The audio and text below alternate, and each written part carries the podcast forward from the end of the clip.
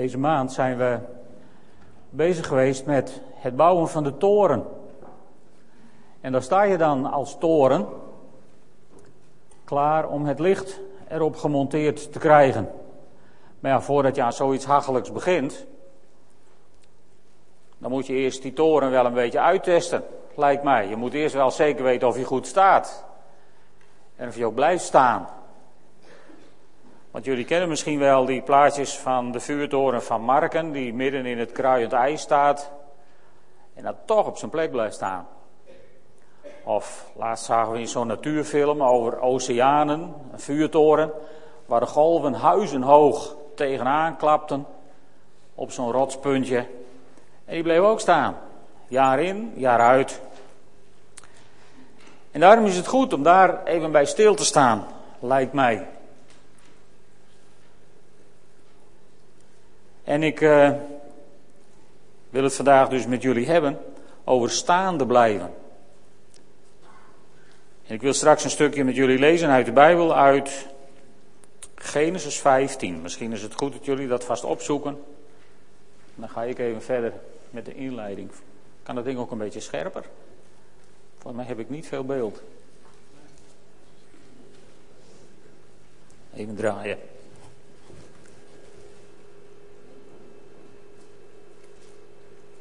Nee. Nou, dan is het zo. En uh, de eerste tekst waar ik mee wil beginnen staat in 1 Korinthe 10, vers 12. Daar schrijft de apostel Paulus: Laat daarom iedereen die denkt dat hij stevig overeind staat, oppassen dat hij niet valt. Ja, maar broeder, ik ben, ik ben wedergeboren christen. Ik ben vervuld met de Heilige Geest. Ik ben een kind van God. Hoezo vallen? Ja, hoezo vallen? Nou, daar wil ik even met jullie naar kijken. Want weet je, je kunt wel staan, je kunt een prachtige toren zijn geworden. En je kunt ook als gemeente prachtig samen die toren hebben gevormd. Maar er is een macht tussen hemel en aarde die maar één doel heeft en dat is de toren te laten vallen. Voordat het licht er überhaupt ooit op staat. En die macht, Satan, die zal alles in het werk stellen om je als gelovige onderuit te halen. En dat proces, dat heet geestelijke strijd. En daar wil ik vandaag met jullie naar kijken. Want er zijn in mijn ogen twee hoofdsporen waarop we daarop worden aangevallen. En ik wil eerst met jullie lezen uit Genesis 15, de eerste zes versen. Enige tijd later richtte de Heer zich tot Abraham in een visioen. Wees niet bang, Abraham, ik zelf zal jou als een schild beschermen. Je loon zal vorstelijk zijn. Heer mijn God, antwoordde Abraham, wat voor zin heeft het mij te belonen? Ik zal kinderloos sterven en alles wat ik bezit zal het eigendom worden van Eliezer uit Damascus. U hebt mij immers geen nakomelingen gegeven. Daarom zal een van mijn dienaren mijn erfgenaam worden. Maar de Heer sprak opnieuw tot hem: Nee, niet je dienaar zal jouw bezittingen erven, maar een kind dat jij zelf zult verwekken. Daarop leidde hij Abraham naar buiten. Kijk eens naar de hemel, zei hij, en tel de sterren, als je dat kunt. En hij verzekerde hem: Zo zal het ook zijn met jouw nakomelingen. Abraham vertrouwde op de Heer en deze rekende hem dit toe als een rechtvaardige daad. Abraham, een vriend van God, genoemd in de Bijbel. Nou, dat mag ons dan bemoedigen. Wat was er met Abraham? Abraham had een belofte van God dat hij een zoon zou hebben. En hij had alles wat zijn hartje begeerde, behalve een zoon. En dan komt God om de hoek met die belofte. Alweer. Ik zal je rijk zegenen. En Abraham die zegt, ach heer, wat geeft het allemaal? Laat ook maar. Wat doen we het eigenlijk voor? Ik heb immers niemand die, die het voort kan zetten. Het is straks allemaal voor, voor, voor Eliezer, voor, voor het hoofd van, pers, van, de, van het personeel. Laat maar, Heer. Je zou toch zeggen, als God hoorbaar tot je spreekt, ik noem maar even iets, dan twijfel je nooit weer aan wat God zegt, of niet?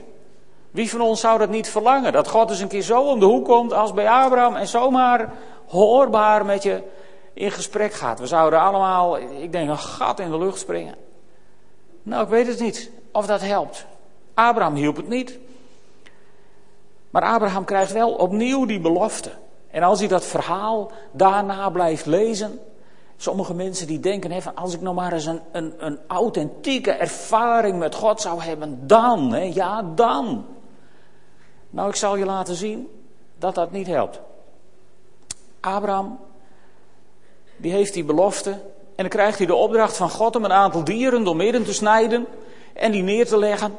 En dan als hij in die tijd een verbond sloot op hoog niveau, dan moest je samen door dat bloedbad wandelen tussen die dieren door. En dan werd daar een verbond gesloten. Het is overigens merkwaardig dat in het plaatje wat Abraham ziet, God in zijn eentje door dat bloedbad wandelt. Dat is het eerste al wat je opvalt.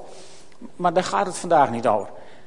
Abraham die, die, die zit daar de hele dag de gieren weg te jagen en de hyena's op de afstand te houden als die daar waren tenminste.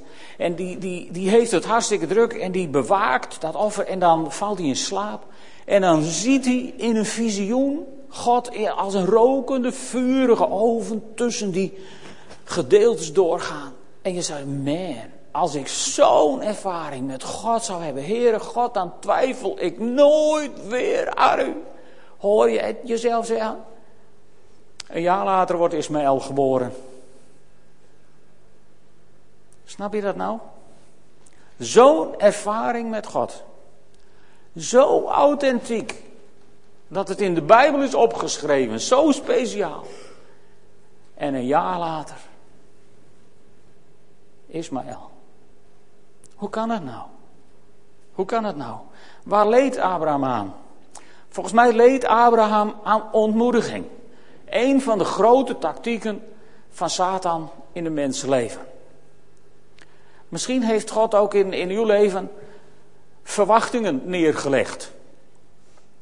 Misschien hebt u ook een woord van God gedachten ontvangen en alsmaar kwam het niet. Misschien hebt u gebeden om, om een kindje en het kwam maar niet. Misschien hebt u gebeden om genezing voor een, van een ziekte en het komt maar niet. Wat gebeurt er dan met je? Nou weet je, dan kun je een hele flinke kerel of een hele flinke vrouw zijn. Maar Satan die, die zal pogen om je in te fluisteren dat het zo niet meer werkt. In de kerk is dat ernstig gelukt. Door, door heel veel gelovigen in te fluisteren dat dat alleen voor de tijd was van de discipelen en, en niet meer voor nu. En meer van dat soort leugens. En je gaat ze geloven.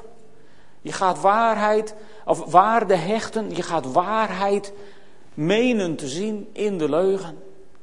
En je verliest de moed, of je levert de moed vrijwillig in. En zo raakt een mens ontmoedigd. Dat is één. Nu gaan we naar een ander verhaal in 2 Samuel 11. Want de tweede tactiek die Satan heeft als hij je niet kan ontmoedigen, maar ziet dat je gewoon vurig blijft geloven in, in wat God heeft gezegd in zijn woord en wat God je zelf heeft gegeven, dan zal zijn tweede tactiek zijn om je te verleiden tot zonde.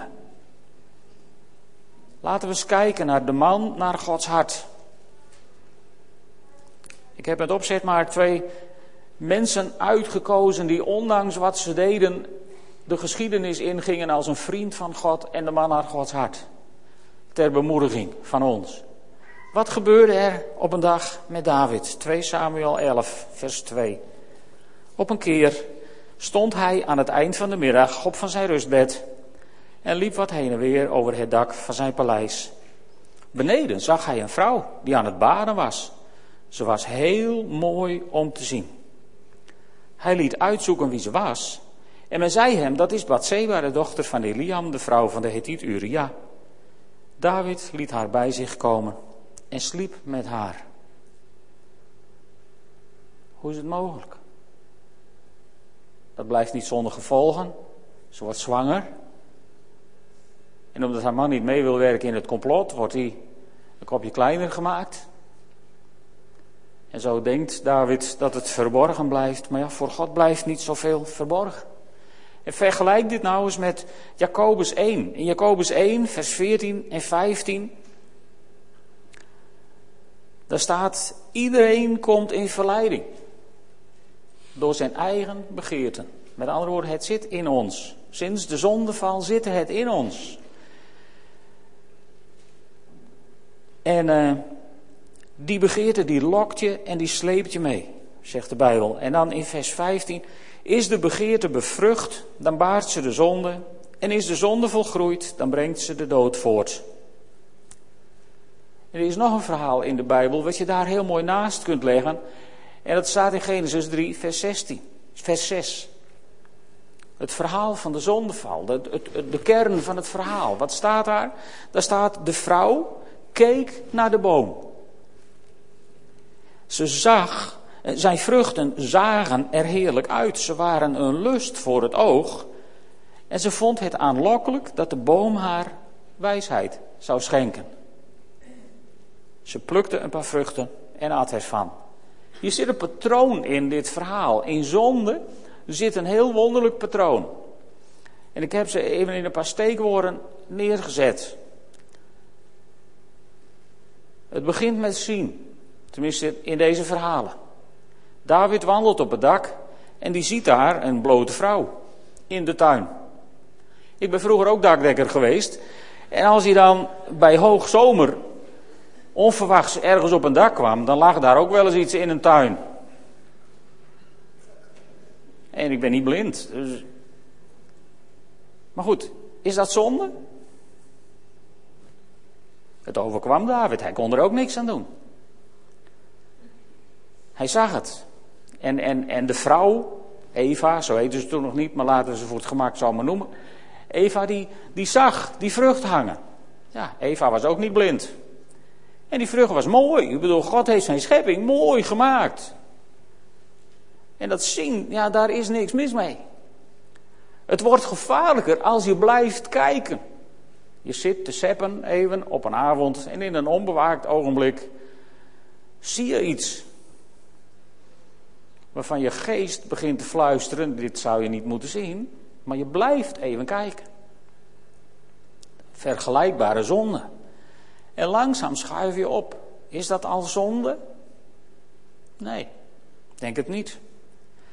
Maar dan ga je erover nadenken. Het doet iets met je gedachten. Abraham die zag Bathseba en hij bekeek haar eens goed. Of David bedoel ik, ja, nee, dankjewel. Blij dat er één oplet. Grapje. David, die bleef kijken. Maar die ging zich ook gedachten vormen. Wat hij wel niet met haar zou kunnen doen. En, en Eva, die bleef die vrucht bekijken. En die ging zich gedachten vormen hoe het zou zijn om aan God gelijk te worden. Want dat had Satan haar toch beloofd. Het doet iets met je denken. En dan kom je op heel gevaarlijk terrein. Want dan ben je in het verhaal van, van Jacobus, ben je inmiddels terechtgekomen bij het bevruchten van je begeerte. En als je begeerte één keer bevrucht is, dan moet God al een wonder doen, maar anders wordt er zonde geboren. En dan brengt zonde de dood voort. Kijk naar het huis van David na dit verhaal. Het zwaard zou van zijn huis niet wijken en kijk eens hoeveel van zijn kinderen er zijn gestorven. Aan de gevolgen daarvan. En, en over Adam en hoeven we het niet eens te hebben. Ook daar werd de dood voortgebracht, waar wij allemaal nog onder te lijden hebben. Twee tactieken die Satan gebruikt om ons te laten vallen als we denken dat we staan. Ontmoediging en zonde. En hoe kan dat nou? Hoe kan dat nou? Nou, over die geestelijke strijd moet je even iets weten. Het is niet zo erg zichtbaar, maar ik zal het proberen jullie uit te beelden. Bij de schepping schiep God, God formeerde uit de aarde, formeerde hij het ene dier na het andere. En als God weer een geknutseld had, dan zette hij neer en die rende de schepping in om zijn ding te doen. En toen op een dag zei God tegen elkaar: Laat ons mensen maken naar ons beeld. En God ging weer aan het boetseren en de engelen dachten: Nou, Net zo'n zoogdier als al die anderen. Niks bijzonders aan. Alleen toen deed God iets bijzonders met dat zoogdier wat hij had geboetseerd. Want wat staat er in, in Genesis 1? Hij blies zijn levensadem, zijn ruach, zijn geest in de mens.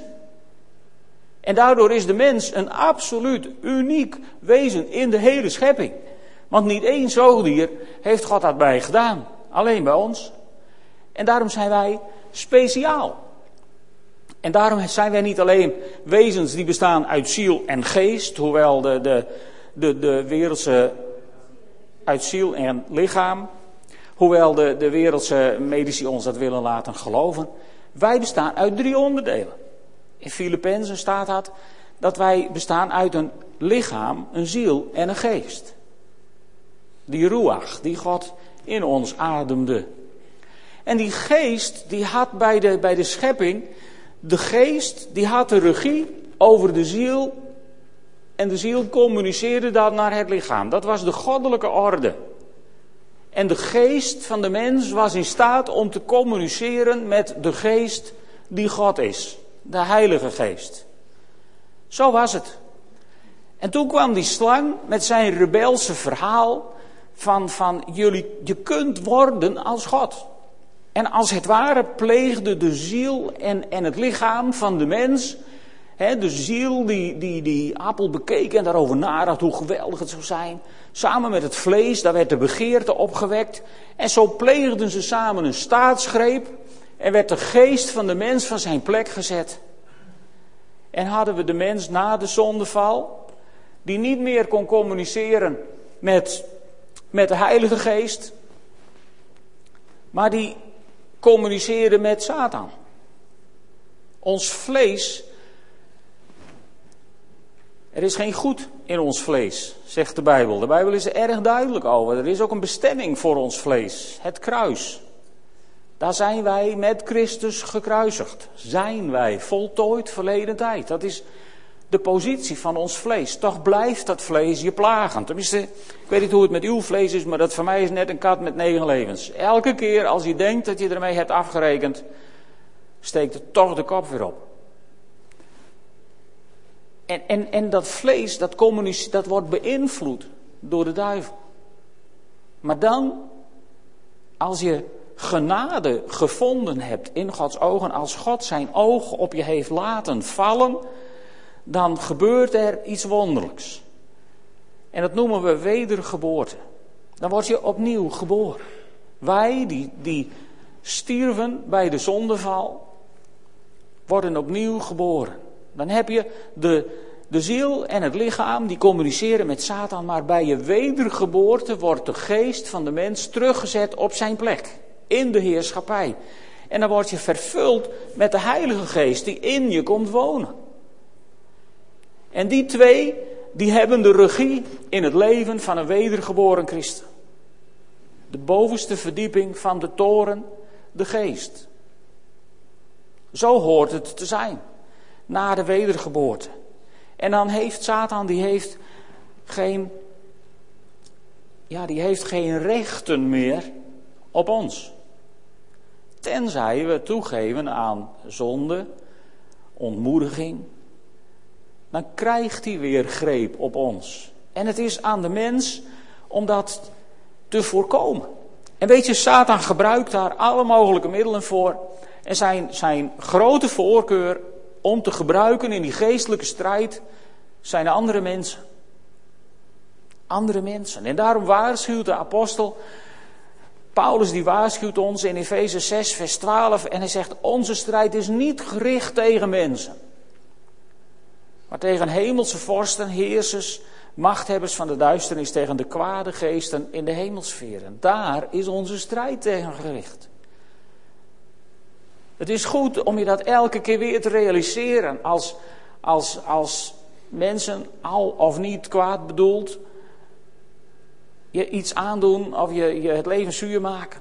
Dat je je realiseert van hé, hey, ik strijd niet tegen mensen, maar de strijd waar het om gaat om mij te laten vallen, dat is een strijd tegen die machten in de hemelse gewesten. Het is goed, het is erg belangrijk om je dat als christen goed te realiseren. Dat we ook als we verschillen van mening hebben en we neigen kwaad te worden, dat we ons even, even terugfluiten en ho. Het woord van God zegt, we strijden niet tegen mensen. Maar wat is hier dan aan de hand? Het is een in, invloed waarschijnlijk van de boze, die probeert om je onderuit te halen. En waar vindt die strijd aan plaats? Nou, die strijd vindt plaats hier, in je hoofd. Waar vond de geestelijke strijd plaats van Abraham? In zijn hoofd. God was er wel. God deed hem ook beloftes. En dat visioen met die dieren, dat was hartstikke echt wat hij zag. Daar mankeerde het niet aan, maar in zijn denken had hij de moed verloren en zei hij tegen God, ach heer, laat, laat maar. Wat heeft het voor zin? Waar ging het mis bij, bij David? David zag. En toen lag Bathseba nog niet naast hem in bed. Nog lang niet. Maar in zijn denken ging het fout. En vanuit zijn denken maakte hij verkeerde keuzes. Paulus schrijft in de tweede Korinthebrief, hoofdstuk 11, vers 3. En dan schrijft hij, alleen vrees ik, schrijft hij aan die Corinthiërs dat zoals Eva door de slang op sluwe wijze bedrogen werd, en dan moet je goed opletten, uw gedachten worden weggelokt van de oprechte en zuivere toewijding aan Christus. Eigenlijk is dit in heel in het kort het recept hoe het werkt. Dit is waar Satan op uit is, om je gedachten weg te lokken van je, van je oprechte en zuivere toewijding aan Christus. En als hij je gedachten één keer aan de haak heeft en heeft weggelokt van Christus, dan hoor je dus die waarschuwende stem van je geest, die hoor je niet meer of die negeer je. En dan neemt opnieuw het vlees, dus de ziel en het lichaam van de mens, je lichamelijke lusten en je zielse verlangens, die nemen de overhand en die lokken je uiteindelijk, jouw eigen begeerte, die lokt je uiteindelijk naar de beslissing om te zondigen. Zo werkt het. Dit is waar Satan op uit is.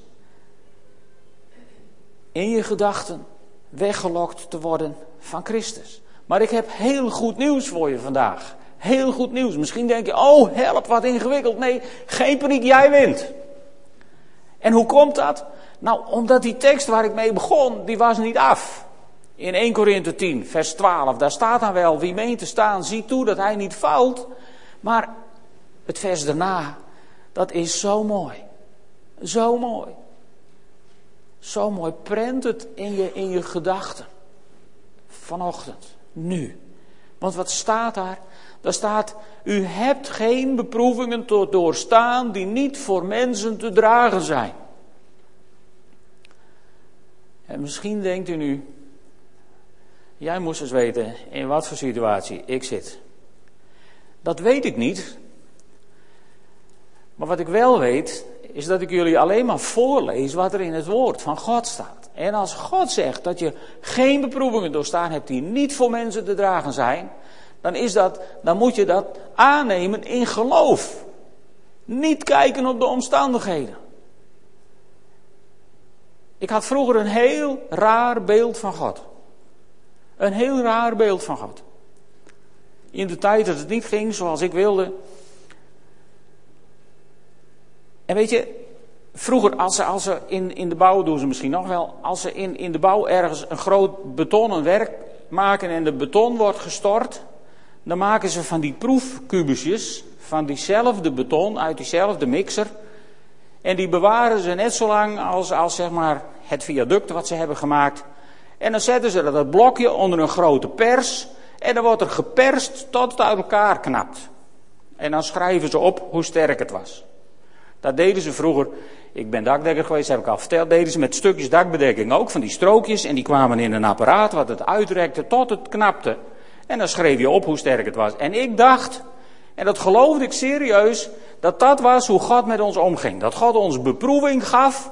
En net zo lang beproeving, net zo lang beproeving, tot je bezweek. En dan schreef God op, nou, hij was zo sterk, niet sterk genoeg. Helaas, pindakaas, volgende blokje. Stom, hè? Zo onnozel was ik. Maar hier staat, je hebt geen beproevingen doorstaan die niet voor mensen te dragen zijn. Dus zo gaat God helemaal niet met ons om. Dat wil de duivel ons laten geloven. Om ons te ontmoedigen. En wat is het hem vaak gelukt bij mij? Dat ik dit ontdekte. Want het gaat nog verder. God is trouw, staat er dan. En hij zal niet toestaan dat u boven uw krachten wordt beproefd.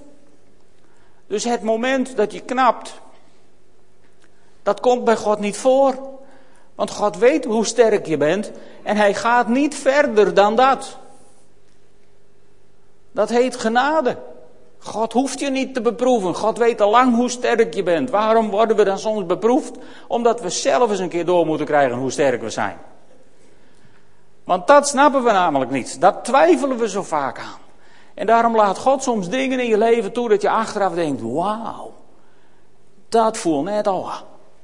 Nee, dat deed het ook niet, want God was er en die heeft je erdoor gesleept en gedragen en die heeft je de kracht gegeven en de wijsheid en, en alles wat je nodig hebt uit het hemelse bereik wat je nodig had om te dragen wat er op je weg kwam. Daarom zijn er zo'n beproeving. En, weet je, en dan het allermooiste, aan het eind, hij geeft je met de beproeving ook de uitweg. Zodat je haar kunt doorstaan. Goed hè? Heb je hem al uit je hoofd geleerd? Anders laat ik hem even staan. Dit is zo belangrijk, dat we dit weten. En niet alleen weten, maar dat we het ook geloven. Je kunt dit vers, kun je alle exegese van de wereld op loslaten. En je kunt het helemaal uit elkaar rafelen. En je kunt van elk woord een woordstudie op touw zetten.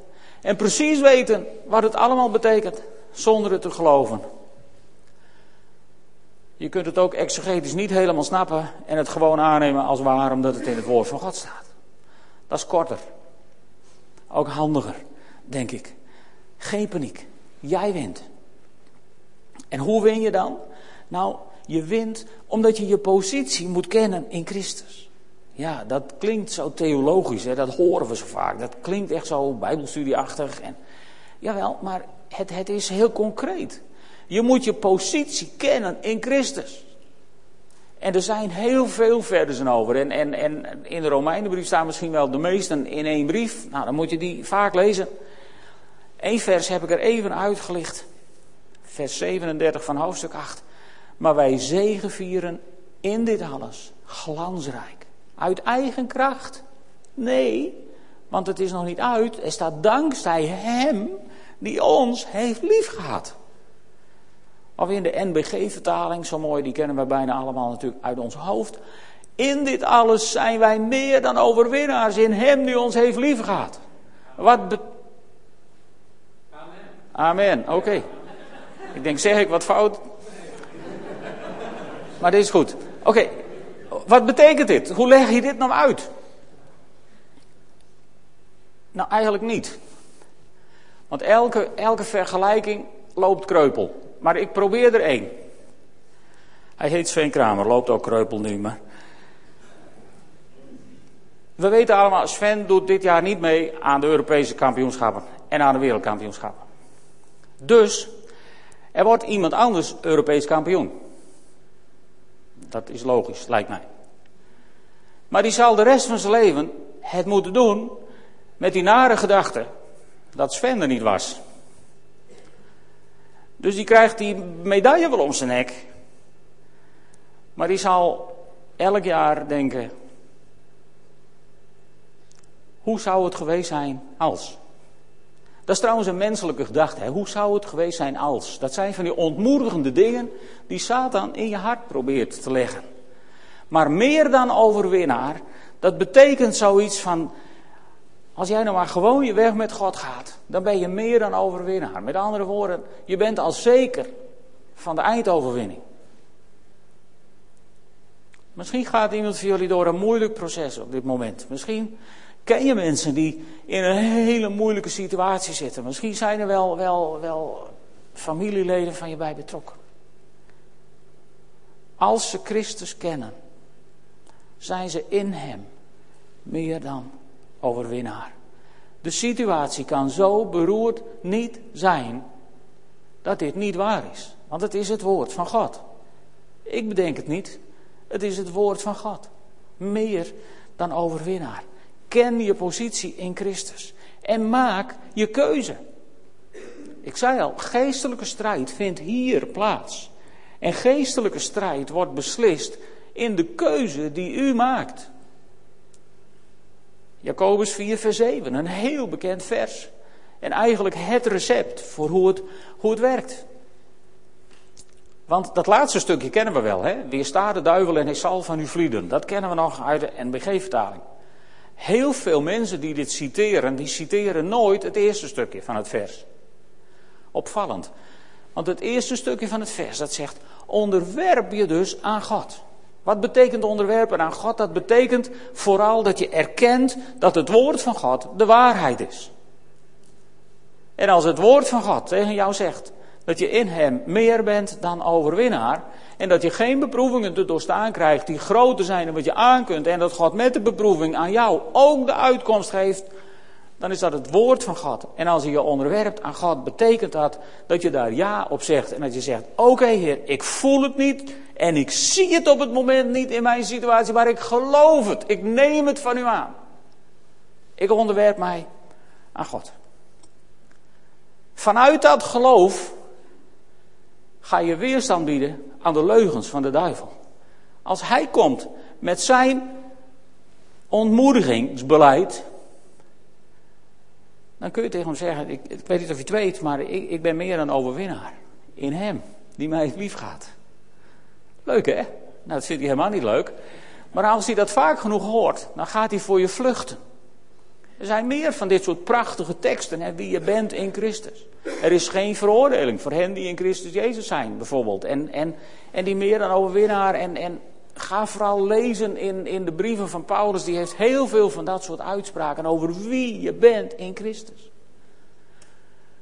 Gekocht en betaald met het kostbare bloed van het lam. Ja, dat moet je geloven. Dat moet je aannemen in geloof. Dat is de keuze die je maakt. En dan zal de duivel je met rust gaan laten. En hier wil ik mee eindigen. Je kunt het. Je kunt het. Misschien zien jullie het niet zo goed. Maar hier staat een hele grote olifant. En er staat een heel klein muisje naast. En die zegt: Jij bent mijn grote vriend. Nooit zag ik een vriend die zo trouw is als Jezus. Ja, toch? Ik ben het niet. Echt niet. En het verhaal wat ik hier hield, ik ben ook niet zo'n geloofsheld. Maar Abraham, lieve vrienden, was ook niet zo'n geloofsheld. Want ondanks alle wonderen die hij zag, werd er een Ismaël geboren. En David, de man naar Gods hart, was ook niet zo bijzonder geweldig. Want toen hij een blote vrouw zag, pleegde hij overspel en moord erachteraan. En, en die deed ook alles wat God verboden heeft. Maar omdat hij daarna de keuzes maakte om met zijn falen terug te komen bij God, vergaf God, herstelde God, kreeg hij een nieuwe kans en begon hij gewoon weer opnieuw. Er kan nooit een zonde in uw leven zo groot zijn dat God dat niet in orde wil maken. Er kan nooit een ziekte in uw leven zo ernstig zijn dat God u er niet van geneest of er doorheen draagt. Let op, twee dingen. Er kan nooit een ontmoediging in uw leven zo diep zijn dat God u er niet uit wil tillen. Vorige week zondagavond heb ik verteld over de, de Samaritaanse vrouw die op weg was naar haar put. En wie zat er op de rand van de put? Voordat ze beneden was? Jezus. Misschien heb je ook zo'n put waar je af en toe heen reist om gewoon eens even lekker in je put te zitten. Eén ding wil ik je zeggen. Jezus zit op de rand van de put, klaar om op je te wachten voordat je arriveert. En hij wil het gesprek met je aan. Zou je nou wel naar beneden gaan? Zou je niet liever bij mij blijven? Zou je niet gewoon aannemen dat je in mij die unieke positie in de schepping hebt, die God je gaf toen hij je schiep in Genesis 1, als enige wezen, ingeademd met de geest van de Almachtige. Dat is je plek, lieve vrienden. Als je wedergeboren bent, heeft God dat opnieuw met je gedaan. Heeft hij opnieuw jou ingeademd met de geest van de Almachtige.